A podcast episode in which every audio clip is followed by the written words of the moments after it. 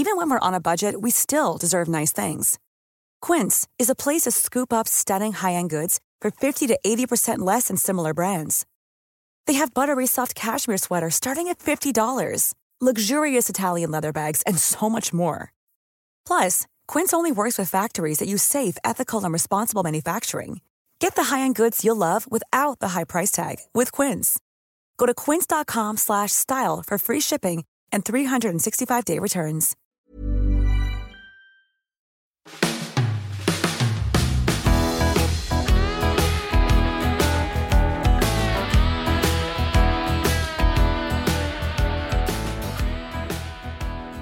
Hej och välkommen till Udda Jämt. En podd om vårt liv som är, precis som det låter, udda jämt.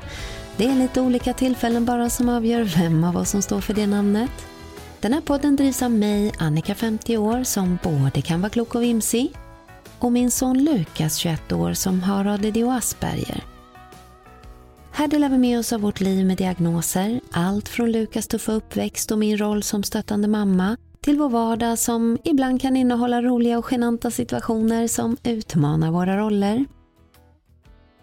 I det här avsnittet så kommer jag ta med er till Lukas barndom och hur hans diagnos upptäcktes och första åren i hans liv. Så det kan uppfattas som ett lite tyngre avsnitt men jag vill ju så gärna dela med mig av hela vår resa till er så ibland så går det lite nerför och så går det lite uppför igen. Jag tänkte börja med att ta er så lång tid tillbaka i tiden som till när jag och Lukas pappa träffades. Vi träffades på ett uteställe som hette Karlsson som fanns på den tiden och låg på Kungsgatan i Stockholm city. Jag hade inte tänkt att gå ut alls den kvällen egentligen men vart övertalad av en kompis att gå dit, en liten stund i alla fall. Och Lukas pappa som hette Rickard, han brukade inte gå ut överhuvudtaget men var ute med jobbet på en företagsfest den här kvällen och så hamnade han också där. Så den slumpen gjorde att våra vägar möttes. Det vart en knock av kärlek vid första ögonkastet. Han var otroligt snygg och hade en kropp som berättade att han måste tillbringat mer tid på gymmet än förnuftet skulle godkänt. Men att det gav resultat för att dra åt sig kvinnors blickar, det var ingen tvekan på och han var dessutom en väldigt fin gentleman genom hela kvällen. Jag bodde vid det tillfället i en liten 30 kvadratslägenhet i Råsunda i Solna med min schäfertik Ida. Jag och Rickard satt ihop redan efter första dejten och det vart även kärlek vid första ögonkastet direkt mellan honom och Ida så dejt två bestod av inflytt och upppackning av hans kläder. Efter tre månader var jag gravid. Så vi hann ju aldrig riktigt med att skanna av våra genetiska förutsättningar innan sammanförandet av dem var ett faktum vilket vi naturligtvis är lyckliga för idag. Vi hade heller inte tid att lära känna varann och hinna konstatera att våra personligheter möjligen hade en del att hantera innan de skulle förstå varann. Men passionen övervann allt. Vi hade otroligt roligt ihop och var galet kära. Det fick duga som underlag för föräldraskap tänkte vi, så vi körde. Vi insåg att vi var tvungna att byta lägenhet snarast och hade en otrolig tur att få svar på en annons som vi satt in i tidningen om lägenhetsbyte. Ja, det var på den tiden. Och vips så bodde vi en trea på 75 kvadratmeter i Solna. Och turen lämnade oss inte riktigt direkt där utan strax efter vi bott in oss några månader, då var det en bostadsrätt och vi var helt plötsligt i ett helt nytt läge för möjlighet att trygga ett bra boende. Lägenheten renoverades snabbt så babytapeten och allt annat skulle vara på plats till den stora ankomsten. Den beräknades till den 14 juli år 2000 och vi bestämde oss när det var ett par månader kvar att vi absolut ville föda vårt barn i Uppsala. Det hade ett väldigt gott rykte då och de andra närliggande mycket sämre. Rickards mamma och styvpappa de hade på den tiden ett landställe i Gnesta och där hade vi en egen liten stuga och vi älskade att tillbringa våra helger där och vi ville även det här året gärna fira midsommarafton där. Rickard som älskar snaps och sill, ja precis i den ordningen, kunde ju inte se midsommarafton segla förbi utan att få njuta av det. Men kände samtidigt att det vore ju otroligt dumt att sitta onykter i skogen tre veckor innan det var dags för födsel, ifall det skulle hända tidigare. Även om risken för det var väldigt liten som förstföderska. Så vi bestämde i alla fall att han skulle vara snapsfri och körbar när vi var där på midsommarafton. Men som kompensation så skulle han få en egen liten snaps och sillstund på balkongen hemma kvällen innan. Så fick det bli. Sen vaknade jag mitt i natten vid tolvtiden och var kissnödig. Och väl på toaletten så inser jag att när blåsan är tom så fortsätter kisset och fortsätter. Och då slår det mig till slut att det är vattnet som går.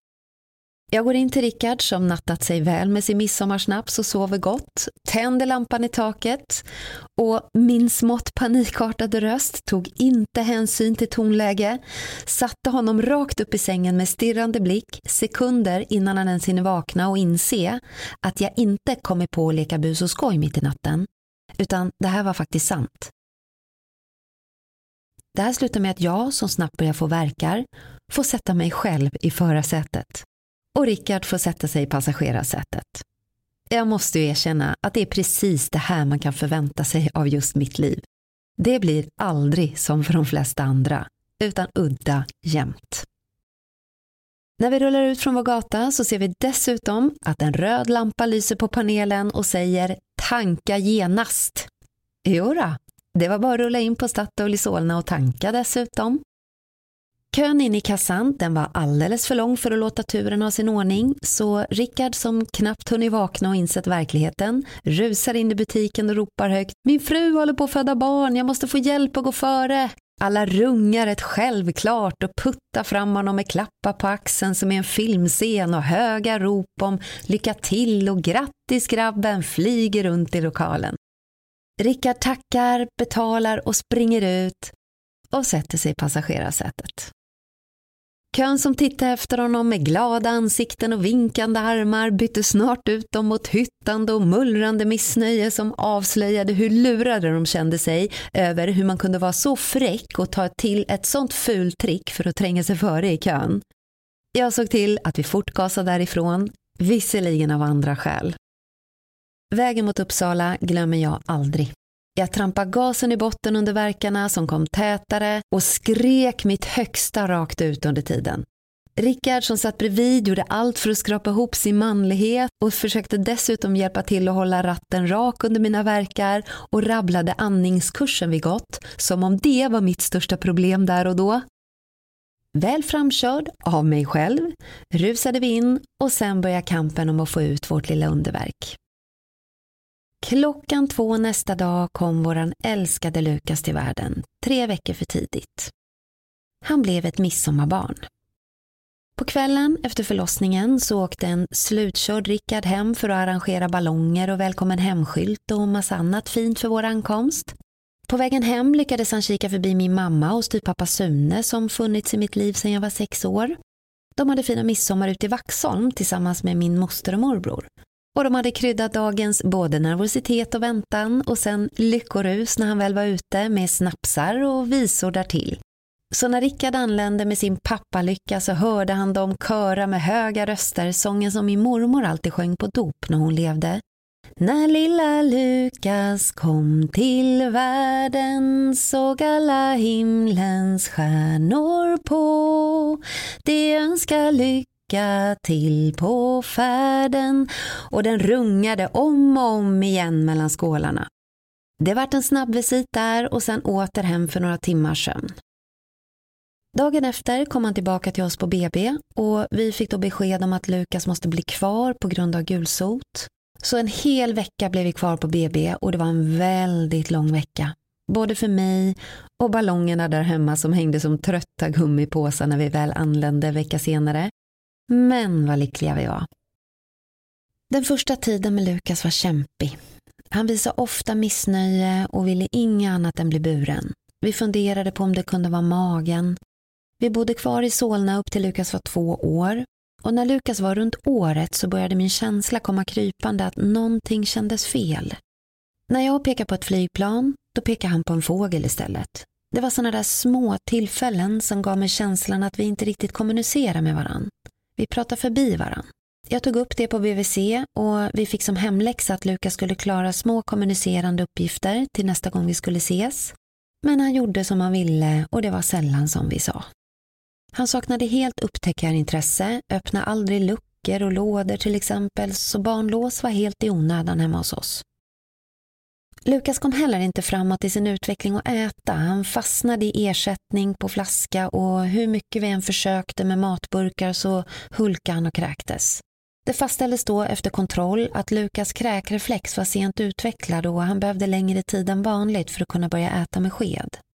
Oron ökade med tiden in på år två. Lukas hade börjat gå men inte prata. Han var ofta väldigt ledsen och gav uttryck för att känna sig missförstådd. Han misslyckades med sina hemläxor från BVC och um, ihop med de andra avvikande sakerna som vi hade tagit upp så gav det till slut resultatet att vi remitterades till Astrid Lindgrens barnsjukhus för utredning. Det började med blodprover för koll av kromosomer och andra möjligheter för att utesluta vissa sjukdomar, men allt sånt var fine.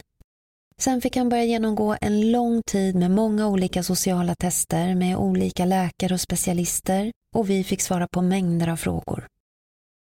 Parallellt med det här så sökte vi även förskolor och där fick jag också en tydlig indikation på att någonting inte stämde. För på en av de förskolor som vi var på besök hos så ramlade Lukas under visningsrundan när han gick omkring i rummet.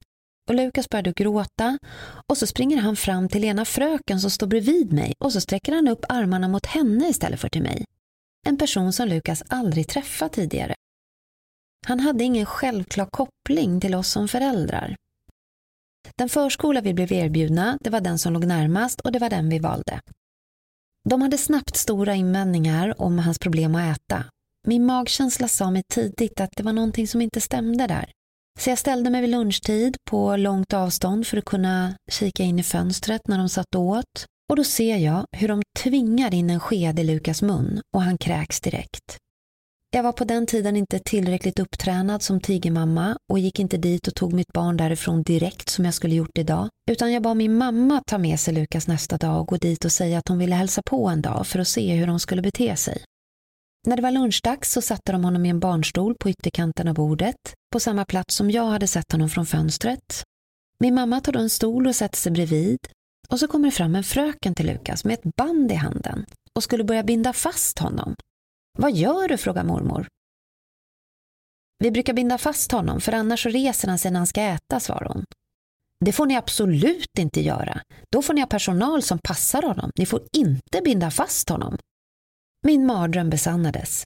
Känslan vad han hade behövt uppleva där var obeskrivligt hemsk att tänka på och triggade ångesten över att inte kunna finnas och vaka över honom hela tiden någonting enormt. Självklart gick vi aldrig mer tillbaka. Jag kontaktade stadsdelsförvaltningen och berättade vad som hade hänt. De tog tag i det direkt och vi erbjöds en annan förskola som var jättefina och absolut inte tvingade honom att äta utan lät honom få sin ersättning som han klarade av. Det vart dock kortvarigt där eftersom vi bestämde oss för att köpa radhus och ge Lukas möjligheten att växa upp på det sätt som han hade haft som mall för idyll att växa upp i. Så vi hamnade i Hässelby villastad i ett radhus när Lukas var två år gammal. Vilken lycka! Det var dessutom en liten lekpark precis utanför vår framsida och grind. Vi bodde i slutet av radhuslängan och så låg det en lågstadieskola med förskoleklass i nästa byggnad mittemot. När Lukas fyllt tre år fick vi hans första diagnos autistiskt tillstånd och språkstörning. Beskedet fick vi in i en konferenssal där de specialister och läkare som gjort utredningarna för Lukas samlats. Och sen var det jag och Rickard. De kunde då inte avgöra hur autistisk Lukas skulle kunna bli, men vi fick veta att det fanns risk för att autismen kunde bli rätt kraftig. Tiden fick utvisa, sa de, och vi hade bara vårt hopp att luta oss emot. Så fort vi kom in i bilen ringde jag min mamma och storgrät. Hon har sagt att hon aldrig glömmer min mening jag snyftade fram. Jag sa att jag inte visste om han skulle bli en riktig pojke. För det var så det kändes då. Tiden vi hade framför oss blev väldigt tuff. Lukas kunde inte prata. Han ville bara göra och leka samma saker. Han hade sina små Playmo-gubbar och ett hus och en liten buss till. Och han kunde sitta med det i timmar. Hans mormor och morfar Sune kom ofta dit och lekte med honom och de anpassade sig alltid efter hans lekar som innehöll oändlig upprepning. Vid ett tillfälle när han var i treårsåldern och de skulle vara barnvakt hemma hos oss så gick han ut i köket och drog ut en stol. Sen ville han hoppa från den och sa då sitt första ord, tia. Det lärde vi oss sen att det var flygplan. Han hoppade ner från stolen och sa tia, sen upp igen, om och om igen. Mormor och morfar vart så lyckliga över hans första ord, vad det nu än betydde, så de ringde oss och vi jublade alla över lyckan att han äntligen försökte börja prata. Den sommaren åkte vi även iväg till Göteborg och gick på Liseberg. Där ville Lukas bara åka ett flygplan och han åkte det om och om igen. Med samma lycka, samma glädje varje gång, som om det var den första. Och vi satt lyckliga och tålmodiga och vinkade glatt även när han var på sin tjugonde runda i samma plan. På förskolan märkte man snart att Lukas behövde en egen assistent. Han var svår att nå i kommunikationen. När hela gruppen gula västar skulle gå till höger gick han åt vänster och han var otröstlig och svår att nå när man försökte visa honom den rätta vägen. Det här fick även morfar Sune erfara när han skulle gå med Lukas till en midsommarstång som vi hade i området samma sommar. Väl vid midsommarstången så skulle de sen gå tillbaka samma väg. Men Lukas var då fullständigt otröstlig och ledsen. För han skulle gå en annan väg runt hela huset. En väg som var tre gånger så lång och det fanns ingen möjlighet att nå Lukas då och förklara vad som var närmast. Han grät och låste sig helt. Så det var bara att gå runt hela huset så det blev som Lukas tänkt sig. Då var han lugn och nöjd och glad. Han vart aldrig arg och sparkad eller visade ilska, bara otröstligt ledsen och skulle envist gå sin väg. På förskolan så noterar de också att han hade några andra avvikande beteenden såsom att han till exempel inte tog emot sig när han ramlade. Han höll upp händerna rätt upp i luften när han ramlade och så låg han kvar så och grät tills han fick hjälp att resa sig utan att nudda händerna i backen. Han hade det också jobbigt att förstå vad som skulle hända när personalen försökte förklara aktiviteter och händelser så förstod han inte. Och klä av och på sig tog också lång tid. Han var ofta ledsen. Det var många tårar han levererade till jordens yta under de första åren i sitt liv och alla ramlade rakt in i mitt hjärta. Det var en otroligt kämpig tid, både fysiskt och mentalt. Lukas fick till slut en egen assistent på full tid. Det kom även hem en talpedagog för att försöka få igång hans tal. Ett tips var att inte bara öppna grinden till trappan som ledde upp till hans rum när han stod där och röck i grinden, utan vi skulle vänta tills han mötte våran blick så vi i alla fall kunde få den kommunikationen. Under de senare åren vid 4-5 års åldern, då vände Lukas till istället bli väldigt knuten till mig och ha svårt att vara ifrån mig. Och det var fruktansvärda stunder att säga hej då på förskolan. Många gånger fick jag komma och hämta honom som tur är så hade jag en väldigt flexibel tillvaro under den tiden. Anledningen till det var att vi som nyinflyttade i området och filmälskare saknade en videobutik. Här fick man nämligen hyra film på en bensinmack. Det resulterade i att jag, som inte sålt annat än glass i glasskiosk som sommarjobb när jag var 15 år, fick för mig att jag ville starta en egen film och godisbutik. Något som inte fick något större utrymme för konsekvensanalys eller noggrant övervägande. Jag har alltid haft svårt att generellt besluta små oviktiga saker som vilken pizza jag vill ha till exempel. Det finns en anledning att pizzakillarna här på Gärdet hälsar bekant på mig än idag, många år efter vi flyttat. Och det är inte för att jag handlar pizza särskilt ofta. Jag har heller aldrig varit särskilt populär bland mammor i glassköer. Jag säger nog nej förresten oftare än jag säger hej på dagarna. Men stora beslut, som borde tänkas igenom mycket noggrant för att inte kunna ge förödande konsekvenser, de besluten, de fattar jag ett nafs. Och det blir oftast fel. Vi hade köpt vårt första radhus, Lukas var två år och kämpade med allt. Rickard hade eget företag, jobbade som elektriker. Just där vill jag starta upp det här gigantiska projektet. Och som jag nämnde innan så kan jag ha svårt att ta mig tid till konsekvensanalys och särskilt om jag brinner för något och här slog lågorna högt kan jag lova. Jag sprang till banken och bad mitt snällaste, ringde fastighetsägaren för centrumet som låg närmast. De sa direkt nej om lokal. Men efter några envisa, men snälla, bara den här gången, så gav bankmannen till slut upp och sa okej, okay, men egentligen inte, för du har ingen erfarenhet av något inom det här. Alltså, ingen plockar ihop en godispåse som jag, tänkte jag inom mig. Men jag lät det stanna där och jag sa bara Tack, jag lovar att sköta mig. Sen skulle lokalen ordnas, samma där. Snälla, snälla, det kommer bli jättebra. Och har du sagt nej till så många andra, då borde det ju vara dags att säga ja nu. Till slut gav de också upp. Då var det bara att ringa Rickard och säga att han nog tyvärr måste sluta tända lampor hos folk. För nu behöver han hjälpa mig att göra våran framtid ljus. Lokalen skulle renoveras, inventarier skulle investeras, godis köpas, filmer upp på hyllorna. Vi stod nu med tre års kontrakt på lokalhyra, stora lån och nu var det dags att kontakta filmbolag och köpa film. Där kom mitt första oj då. För det visade sig att SF hade sina största titlar som uthyrning till butiker. Man fick alltså inte köpa titel och kopior som hos alla andra bolag och vissa av SFs titlar, utan just de fick man hyra ut åt dem i sin butik och så fick man en liten del själv. Det var ju bara det här lilla trixet att man inte fick ha någon konkurrens inom en mils avstånd. Och det var ju inte ett litet problem för oss, utan en hel mack. För det var ju Preem som låg kanske bara typ 200 meter ifrån oss. Och det var ju där som jag inte orkade stå och vänta på alla som skulle betala sin tankning och köpa korv. Nu fick jag betala med att inte få ha de viktigaste filmerna på hyllan i ett halvår. Det skulle betyda katastrof och konkurs innan vi ens sålt en klubba till någon. Jag glömmer aldrig samtalet som kom några dagar senare. Säljaren på SF ringer mig och säger Hej Annika, vi har bestämt att göra något vi aldrig gjort förut. Vi ger er våra uthyrningstitlar direkt. Lyckan var gjord. År 2002 öppnades videohörn. det it's Paige DeSorbo from Giggly Squad. High quality fashion without the price tag. Say hello to Quince. I'm snagging high-end essentials like cozy cashmere sweaters, sleek leather jackets, fine jewelry, and so much more. With Quince being 50 to 80% less than similar brands. And they partner with factories that prioritize safe, ethical, and responsible manufacturing. I love that. Luxury quality within reach. Go to quince.com slash style to get free shipping and 365-day returns on your next order. quince.com slash style.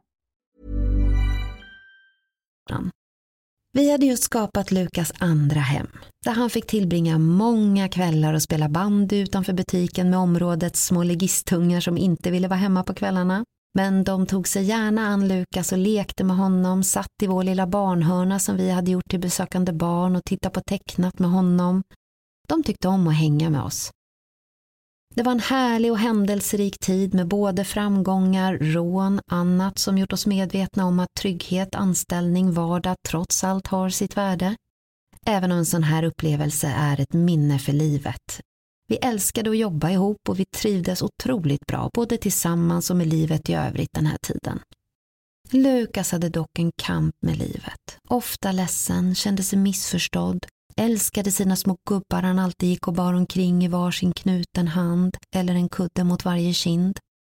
I lekparker och sandlådan, om någon tog någonting ifrån honom, då vart han också alltid ledsen istället för att försöka ta tillbaka sin spade eller bli arg på någon och på något sätt försöka försvara sig eller ge igen, så som barn kan vara. Han gav intryck att han inte kommunicerar på något sätt med omgivningen. Han älskade att ligga i sin saccosäck och skratta så han kiknade åt Pinocchio. Det var som han försvann i en värld och han tittade intensivt och länge, gärna på samma. Han lekte väldigt tyst och lite för bra för sig själv.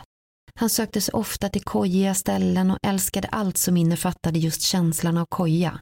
Så pass att vi en dag satte fart på hela grannskapet i radhusområdet när han plötsligt var försvunnen. Lukas var runt tre år och satt på vår altan och lekte med sitt lilla favorithus och gubbar. Plötsligt var han bara borta. Paniken slog till direkt. Lukas pappa som stod på andra sidan huset vid entrén och pratade med en granne. Hörde hur larmet gick, fick grannen med sig. Kaoset på gatan var ett faktum. Alla sprang runt och letade överallt. Han fanns bara inte. Efter en alldeles för lång tid för oss alla löft hans pappa till slut på locket till vår dynlåda som vi hade på altanen. Där låg Lukas med sin napp och kuddar och myste. Det fanns inget i honom som gjorde det här till en kurragömma-känsla eller bus. Han var inte i den världen. Han var i sin koja, i sin egen lilla bubbla. Det var en tuff tid här på alla sätt. Renovering av radhus, etablering av videobutik, Lukas svårigheter som nästan tog hela dagar av mig.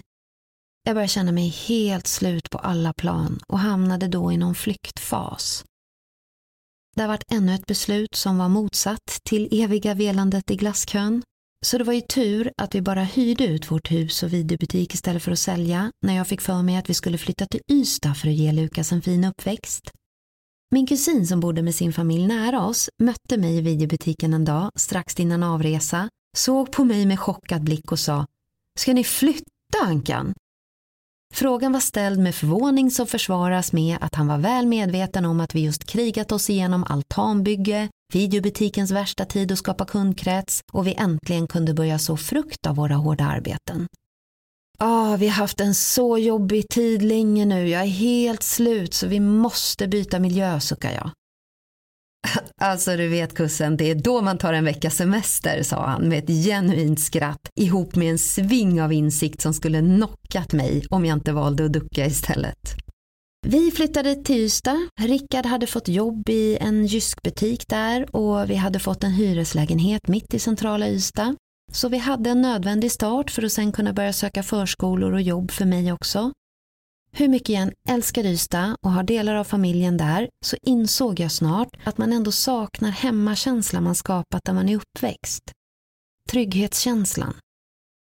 Apropå trygghet så har jag även en storebror som heter Thomas. Jag är väldigt tacksam att han tagit sin roll som storebror på största allvar när mitt singelliv och vingliga liv som ensam kämpande mamma ibland skapat sprickor i vår trygghetsgrund.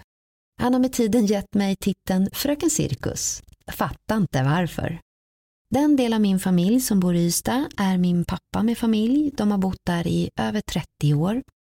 Så där bor Lukas andra biologiska morfar Björn som är och har varit bilförsäljare under hela min livstid i stort sett. Det han inte kan och vet om bilar det är inte värt att veta. Han har haft egna bilfirmer och eh, en av hans första märken han sålde var Fiat. Vid ett av våra samtal för ett par år sedan när han nyfiket ville veta om jag lyckades hitta kärleken än och jag var tvungen att säga att jag fortfarande inte lyckats, då utbrast han men för helvete Annika, du verkar ju mer svårsåld än våra sämsta Fiat-modeller. Vissa saker går ju tydligen inte att sälja bara. Vi får nog börja tänka om här. Hans fru Annika heter ju då också Annika Tell, så det är synd att vi inte bor ihop nu när jag behöver henne och kunna putta fram henne istället när jag ångrar mina fikastunder som jag lovar bort på Tinder. De har gett mig två bröder som också bor i Skåne, som är underbara och familjen bara växer nu med små gulliga kusiner till Lukas. Så vi är en stor familj utspridd lite överallt. Hemlängtan kom lika snabbt som flyktinstinkten innan flytten, så tiden i Ystad vart kortvarig och vi var snart tillbaka i hus och videobutik igen. Ah, ni undrar vad Rickard tyckte om att flytta och flytta tillbaka? Jag hann aldrig fråga. Vi hann ju dessutom hinna övertala hans mamma och styvpappa om att flytta med oss innan jag ångrar mig. Så de köpte en urmysig Skånelänga och blev kvar. Väl hemma igen låg Lukas språkutveckling och gnagde. Han var fem år och pratade fortfarande inte nämnvärt. Ett flygplan hette fortfarande Tia, mormor och morfar hette Momoha. Eftersom Lukas även hade diagnos språkstörning så blev vi rekommenderade att söka en språkförskola på Söder som hette Bamse. Vi sökte dit och det var vid det tillfället 28 sökande barn till två lediga platser.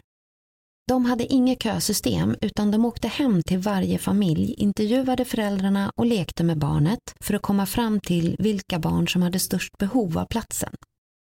Lukas vart en av de två barn som fick plats. Vi var så tacksamma och glada. Och det visade ju också hur stora problem han faktiskt hade. Lukas skulle då börja åka taxi till förskolan och hade väldigt svårt under sin invändning för han ville bara vara nära mig. Här exploderade min överkänslighet och skapade vulkanutbrott av smärta och ångest över att inte bara få sitta och hålla om honom livet ut. Det gjorde så fruktansvärt ont att gå emot sin starka ångest och lämna honom till andra och känna hur ängslig och orolig han skulle behöva vara och tvinga honom att vara någonstans som han inte ville vara. Men vilket under denna förskola gjorde. De hanterade min separationsångest jättefint med att visa förståelse och låta mig ha samma invändning som Lukas. Det vill säga, jag fick också göra processen i min takt. Jag fick åka med i taxin till förskolan med Lukas. Jag fick vara där i ett annat rum extra länge, lika mycket för min skull som hans. Sen när jag väl kunde börja stanna hemma så sa jag hej då vid taxin och då gav de mig tät kontakt under dagtid, vilket gjorde mig lugnare. Den här fantastiska förskolan fångar snabbt upp Lukas med att börja kommunicera via bilder och tecken. De lärde honom förstå alla rutiner och kommunikation med bilder och tecken och hjälpte honom att tydligt förstå hur en dag skulle se ut och vad de skulle göra. Det här gjorde att Lukas kunde börja förstå. Så de här plötsliga utbrotten när alla andra gick till höger och han trodde de skulle gå till vänster mot något annat som han förväntat sig, de utbrotten uteblev och Lukas började förstå världen och kunna ha kul och njuta av aktiviteter och barnen och dagarna på förskolan. Och det spillde ju över på mig som också äntligen fick vila mina känslor ett tag. Lukas hade dessutom samma fina taxichaufför, en kvinna som var underbar med Lukas. Min ångest lugnade sig och till sist mådde jag bättre än jag någonsin gjort när han var på förskolan. Den här tiden trollade med Lukas kommunikation. Det visade sig tidigt där att han hade ju andra problem än just specifikt språket.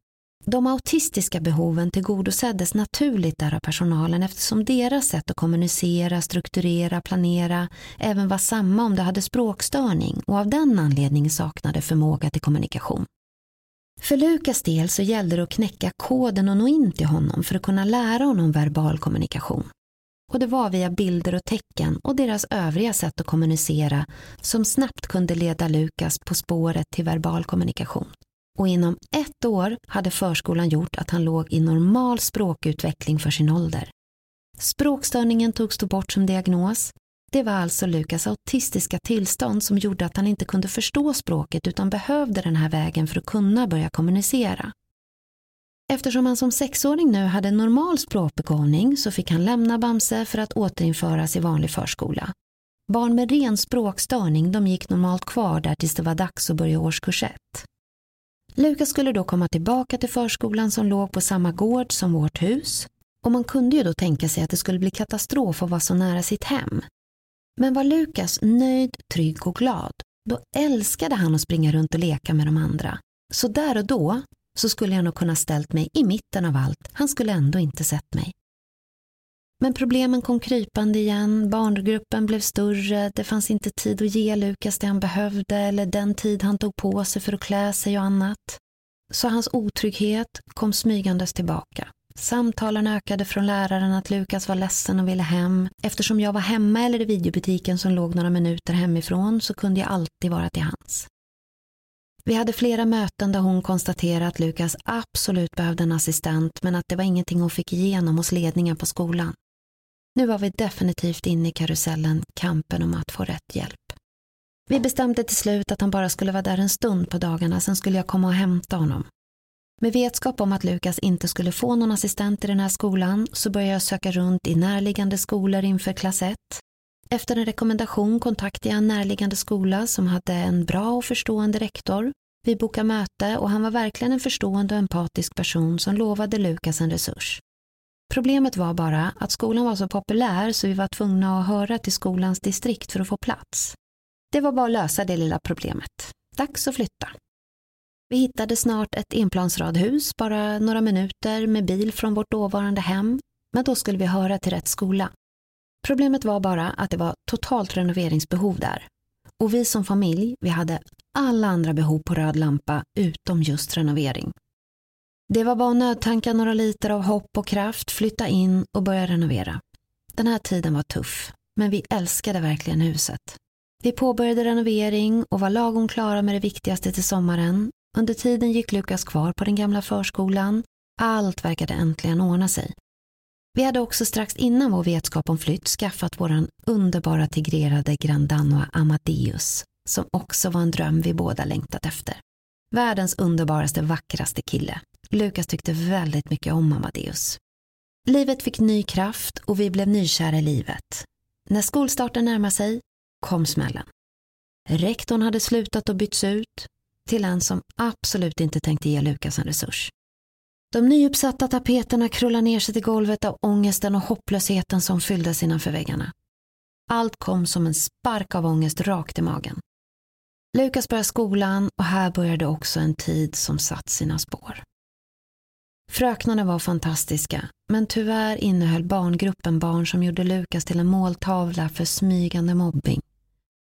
Den var inte tydlig i början, mer att de gav honom rollen som någon man skulle gunga lite extra hårt och lite för länge, gjorde honom till den som blev ensam mot alla andra i olika tuffa lekar.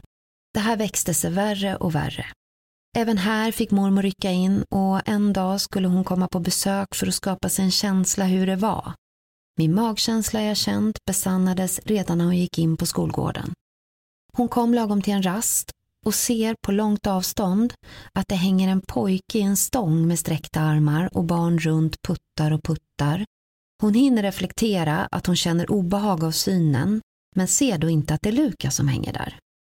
När hon kommer närmare då ser hon att det är han. Det finns ingen fröken inom synhåll. Hon går fram till barngruppen och frågar vad de gör och tar ner honom. En kille svarar henne lite spydigt. Skulle du vilja hänga där? konfronterar mormor då med en rak fråga till den spydiga killen. Nej, svarar han direkt och pep iväg med de övriga gänget till en skogsdunge som fanns på skolgården. Mormor sökte genast upp fröknarna, berättade upprört vad hon sett och sa att de måste hålla koll på hur barnen är mot varandra på rasten. Problemen kring Lukas växte lavinartat. Lukas hade ju redan innan sin problematik om att behöva mer tid på sig, tydlighet om vad som skulle hända, blev ofta ledsen av snabba instruktioner, tvära kast, svårt att äta maten i skolan, ofta otröstligt ledsen och ville hem. Lukas ville till slut inte gå till skolan alls. Fröknarna var väl medvetna om allt det här och de såg allt, både Lukas behov och barnens beteende mot honom. De var verkligen mina medkrigare och tog dessutom skölden och ställde sig framför mig och hade egna direkta möten med rektorn som lovade att komma på möten även med mig när jag var med, men uteblev. Allt eskalerade och fröknarna kände sig maktlösa. En av mina värsta månader jag upplevt, då står Lukas klädd, redo att gå till skolan, går ner på knä framför mig, gråter och knäpper sina händer bedjande framför mig och säger Snälla, snälla mamma, kan jag bara få slippa gå till skolan? Det var fullständigt omöjligt att låta honom gå. Fröknarna sa också att de inte kunde garantera hans säkerhet på rasterna så vi fick bestämma att jag skulle hämta honom när de var för få för att kunna ha ett extra öga på just honom. De sa att vi helt enkelt fick utgå från att hans bästa var viktigare än skolplikten så länge rektorn inte ordnade en resurs. Lukas fick komma hem när han inte klarade av att vara kvar och fick vara hemma när han var för ledsen för att komma iväg. Så det vart inte mycket skoltid för Lukas från mitten av ettan. Den här situationen resulterade i att en av fröknarna till och med sa upp sig för att hon tyckte att det var så fruktansvärt att jobba för en rektor som hade den här hårda synen på barn som får illa. För det gjorde verkligen Lukas. Vi insåg att det inte fanns några möjligheter att få den här rektorn att förstå eller ge vika. Vi var helt enkelt tvungna att flytta. Igen. Vi kontaktade samma mäklare som vi köpt av, som återvände till ett topprenoverat hus med en portfölj med glada papper som ville ha en underskrift. Här gick att tjäna en slant insåg han. Han la ut vårt hus som objekt på Hemnet. Då blev vi kontaktade av en mäklare som var med i ett program på TV3 som hette Nytt läge. Det gick ut på att de skulle hjälpa att hitta rätt boende till utvalda familjer utefter deras behov den här mäklaren hade då sett vårt hus till salu och han ville ha med det som ett av visningsobjekten till ett par som skulle vara med i tv-programmet, vilket vi sa ja till. Under den tv-inspelningen så fick inspelningsteamet nys om att vi själva inte hittar något boende än och att vi tvingas flytta för att vår son inte fick den hjälp han behövde. Det här blev ett bra case tänkte de och så la de in den högsta tjatväxeln om att vi skulle vara med i programmet. Aldrig, sa Rickard. Jag står inte som en tönt och skämmer ut mig i tv. Jag kommer bli mobbad på bygget och de kommer kasta grejer efter mig när de ser mig. Vad bra, svarar jag. Då kör vi. Van vid att få mina projekt genomförda. Ett par veckor senare stod han i skjorta, svettandes i tv och väste Fan för dig.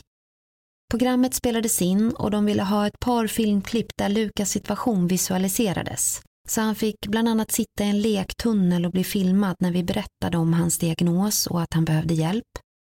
Även Amadeus fick följa med oss när vi skulle filma en scen där vi skulle låtsas som vi gick till skolan samtidigt som tv-teamet kröp runt oss som prickskyttar. Väldigt märklig upplevelse. Vill ni se lite bilder och filmklipp därifrån så finns det på vårt Instagram uddajamt. Om ni inte redan följer oss där så gå gärna in och gör det. Vi vart serverade förslag både i Bålsta, Sundbyberg bland annat, men det sa inte klick någonstans. Under tiden ringde jag runt till olika skolor i alla möjliga städer och kommuner för att höra hur rektorn lät i sin inställning. Vi var redo att slå till på bostadsköp i just den kommun som verkade ha snällast rektor. Det hade en tid legat en längtan att komma in till stan hos mig och få tillgång till ett annat liv. Det var så känslomässigt jobbigt med alla glada barn som lekte i området och Lukas inte fick vara med. Jag längtade även efter att Rickard skulle få hänga upp sina jobbbyxor på en krok klockan fyra och sen kunde vi bara njuta av kvällar, helger och livet som vi aldrig kunnat göra innan på grund av renoveringar och videobutiken. Ja, jag säger jag, för Rickard hade inte samma känsla. Han kände bara symptom av känslan. Han har alltid, som ett sätt att hantera sina diagnoser, varit en arbets och träningsnarkoman. I olika skeden i livet, antingen eller och ibland både och. Men familjen tog ju skada av att han ständigt jobbade antingen på jobbet eller hemma. Jag saknade känslan av att vara två i kampen för Lukas och alla känslor som skulle hanteras hos oss alla. Lukas var hemma mer eller mindre under hela det här året och fröknarna stod på min sida och sa att han absolut inte skulle vara i en skola som kunde utgöra fara för honom på olika sätt. Samma sak sa de till rektorn. Vi kan inte ansvara för Lukas trygghet, då är det bäst han är hemma, sa de. Märkligt nog var det den bästa tiden när de väl kom fram till den slutsatsen. Då lugnade sig min ångest. Jag fick ha min älskade lilla unge i min skyddade värld hemma. Det var inte bara skoltiden som skulle markeras, även den privata. Det var verkligen en hemsk känsla att ha ett barn med särskilda behov i ett radhusområde. Normalt så ska ju barn ha det toppen där, springa mellan varann och leka och ha det kul. Men så var det inte här. Lukas var alltid snäll och vi har alltid varit populära föräldrar. Det var alltid mycket spännande runt oss. Allt från gigantiska hundar, videobutiker, förråd fyllda med godis och filmer, studsmatta med smurfhits i högtalarna och kärleksmums på fat under helgerna. Myskvällar med film och projektor. Rickard var alltid den roliga och starka buspappan. Vi har alltid vetat vad barn vill ha och älskar att göra det mysigt för dem. Förmodligen för att det alltid har legat nära oss själva. Lukas behövde ju det här som ett tredje ben i sin kommunikation för att han skulle få något socialt liv med andra barn. Eftersom han alltid var snäll och glad när de lekte så funkade det oftast bra när vi hade lek och buset runt oss. Men det var inte alltid problemfritt ändå. Han kunde till exempel komma in fullständigt förkrossad för att han fått vara med och leka ute med de andra men inte riktigt kunna flyta med och ta in vad just de leker Lekte de tjuv och polis till exempel så kunde han springa ut med sitt lasersvärd och tänkte att de skulle leka Star Wars för det var det han var inställd på. Så vi har ständigt varit med halva örat i Lukas umgänge ända sedan han var liten. Och det har också gjort att alla lekstunder nästan alltid varit hos oss. Det har oftast varit roligast där. Huset såldes till slut av en mäklare som var så nöjd att han struntade i att han inte riktigt fick igen portföljen efter försäljningen. Det kvittade att det spretade ut lite tusenlappar. Det kunde han tydligen leva med. Själva hade vi just lyckats få tag på en lägenhet i Vasastan som skulle tillhöra en rekommenderad skola där Lukas skulle få plats till hösten. En mysig lägenhet som väntade på våra möbler. Jag var ivrig att komma in till stan och få börja vårt nya liv. Vad hade jag gjort utan mina tvillingbröder Anders och Peter? De är mina halvbröder rent biologiskt, men inte i övrigt. De är födda 79 med stora härliga personligheter. De ser exakt likadana ut, men är aldrig överens om något. Det tar inte mer än tio minuter in på släktträffarna än idag så hör man två höga röster. Ja, men du då? Det är mycket liv och kul i de där fantastiska personerna. Och de har alltid varit grymma och oumbärliga vid syrrans alla flyttar. Så även denna gång. Efter två månader när det var dags att flytta in kontaktade jag återigen skolan för lite närmare planering och möte. Då kom nästa smäll. Det fanns ingen plats till Lukas där och han skulle få gå i en helt annan skola långt därifrån. Larmet gick igen. Här kan vi inte bo. En av mina stackars flyttgubbebröder, Peter, fick då konka in möblerna tillsammans med Rickard i en lägenhet som vi inte ens hunnit eller ens skulle flytta in i. Bara för att kunna sälja den. De trogna kämparna gjorde det nöden krävde. Sen hade vi en väldigt lång ångestladdad period. Vi stod med två lån för boenden vi inte kunde bo i och skulle börja leta vårt tredje. Dessutom var vi utan skolplats för Lukas. Efter många samtal med både säljande och köpande mäklare lyckades vi till slut komma i mål. En dag, när jag nästan tappat hoppet, lyfte jag luren, helt omedveten om att jag skulle ringa rätt och äntligen komma fram till rätt ända av luren.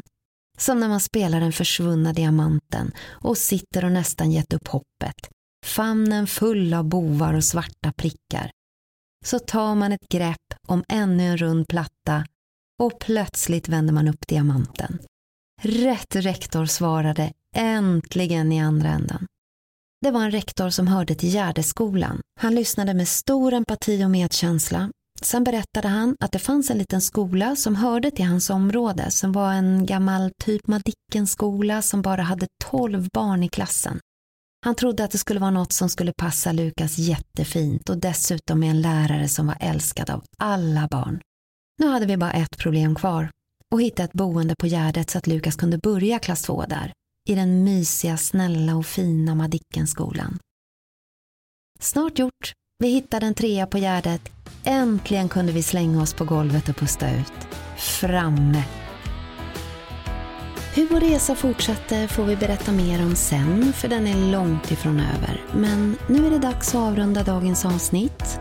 Innan vi gör det så vill jag göra en kärleksfull shoutout till min bror Ricky min yngsta bror boende i Skåne som sköter allt tekniskt för den här podden. Han klipper, sköter Instagram och allt det praktiska där med bilder och texter, avsnittstexter och är dessutom ett grymt bollplank för innehållet i avsnitten. Och som om det inte är nog så finns han alltid till hands för mina tekniska feltramp delat med Lukas.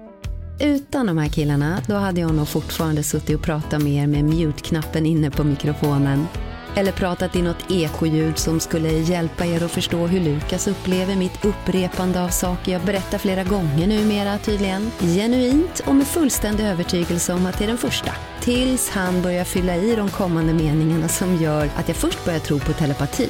Tills hans tonläge och ansiktsuttryck ger mig insikt om att det här har han hört förr. För många gånger.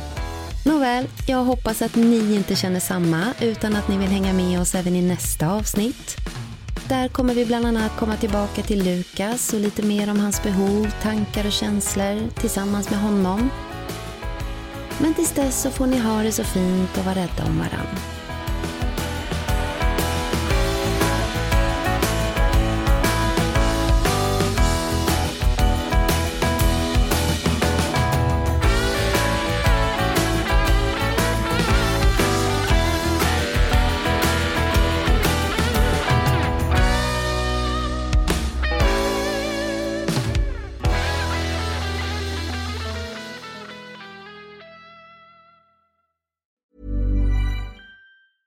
Planning for your next trip?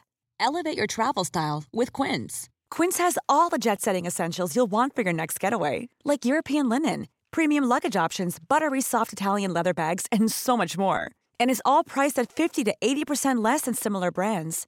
Plus, Quince only works with factories that use safe and ethical manufacturing practices. Pack your bags with high-quality essentials you'll be wearing for vacations to come with Quince. Go to quince.com slash pack for free shipping and 365-day returns.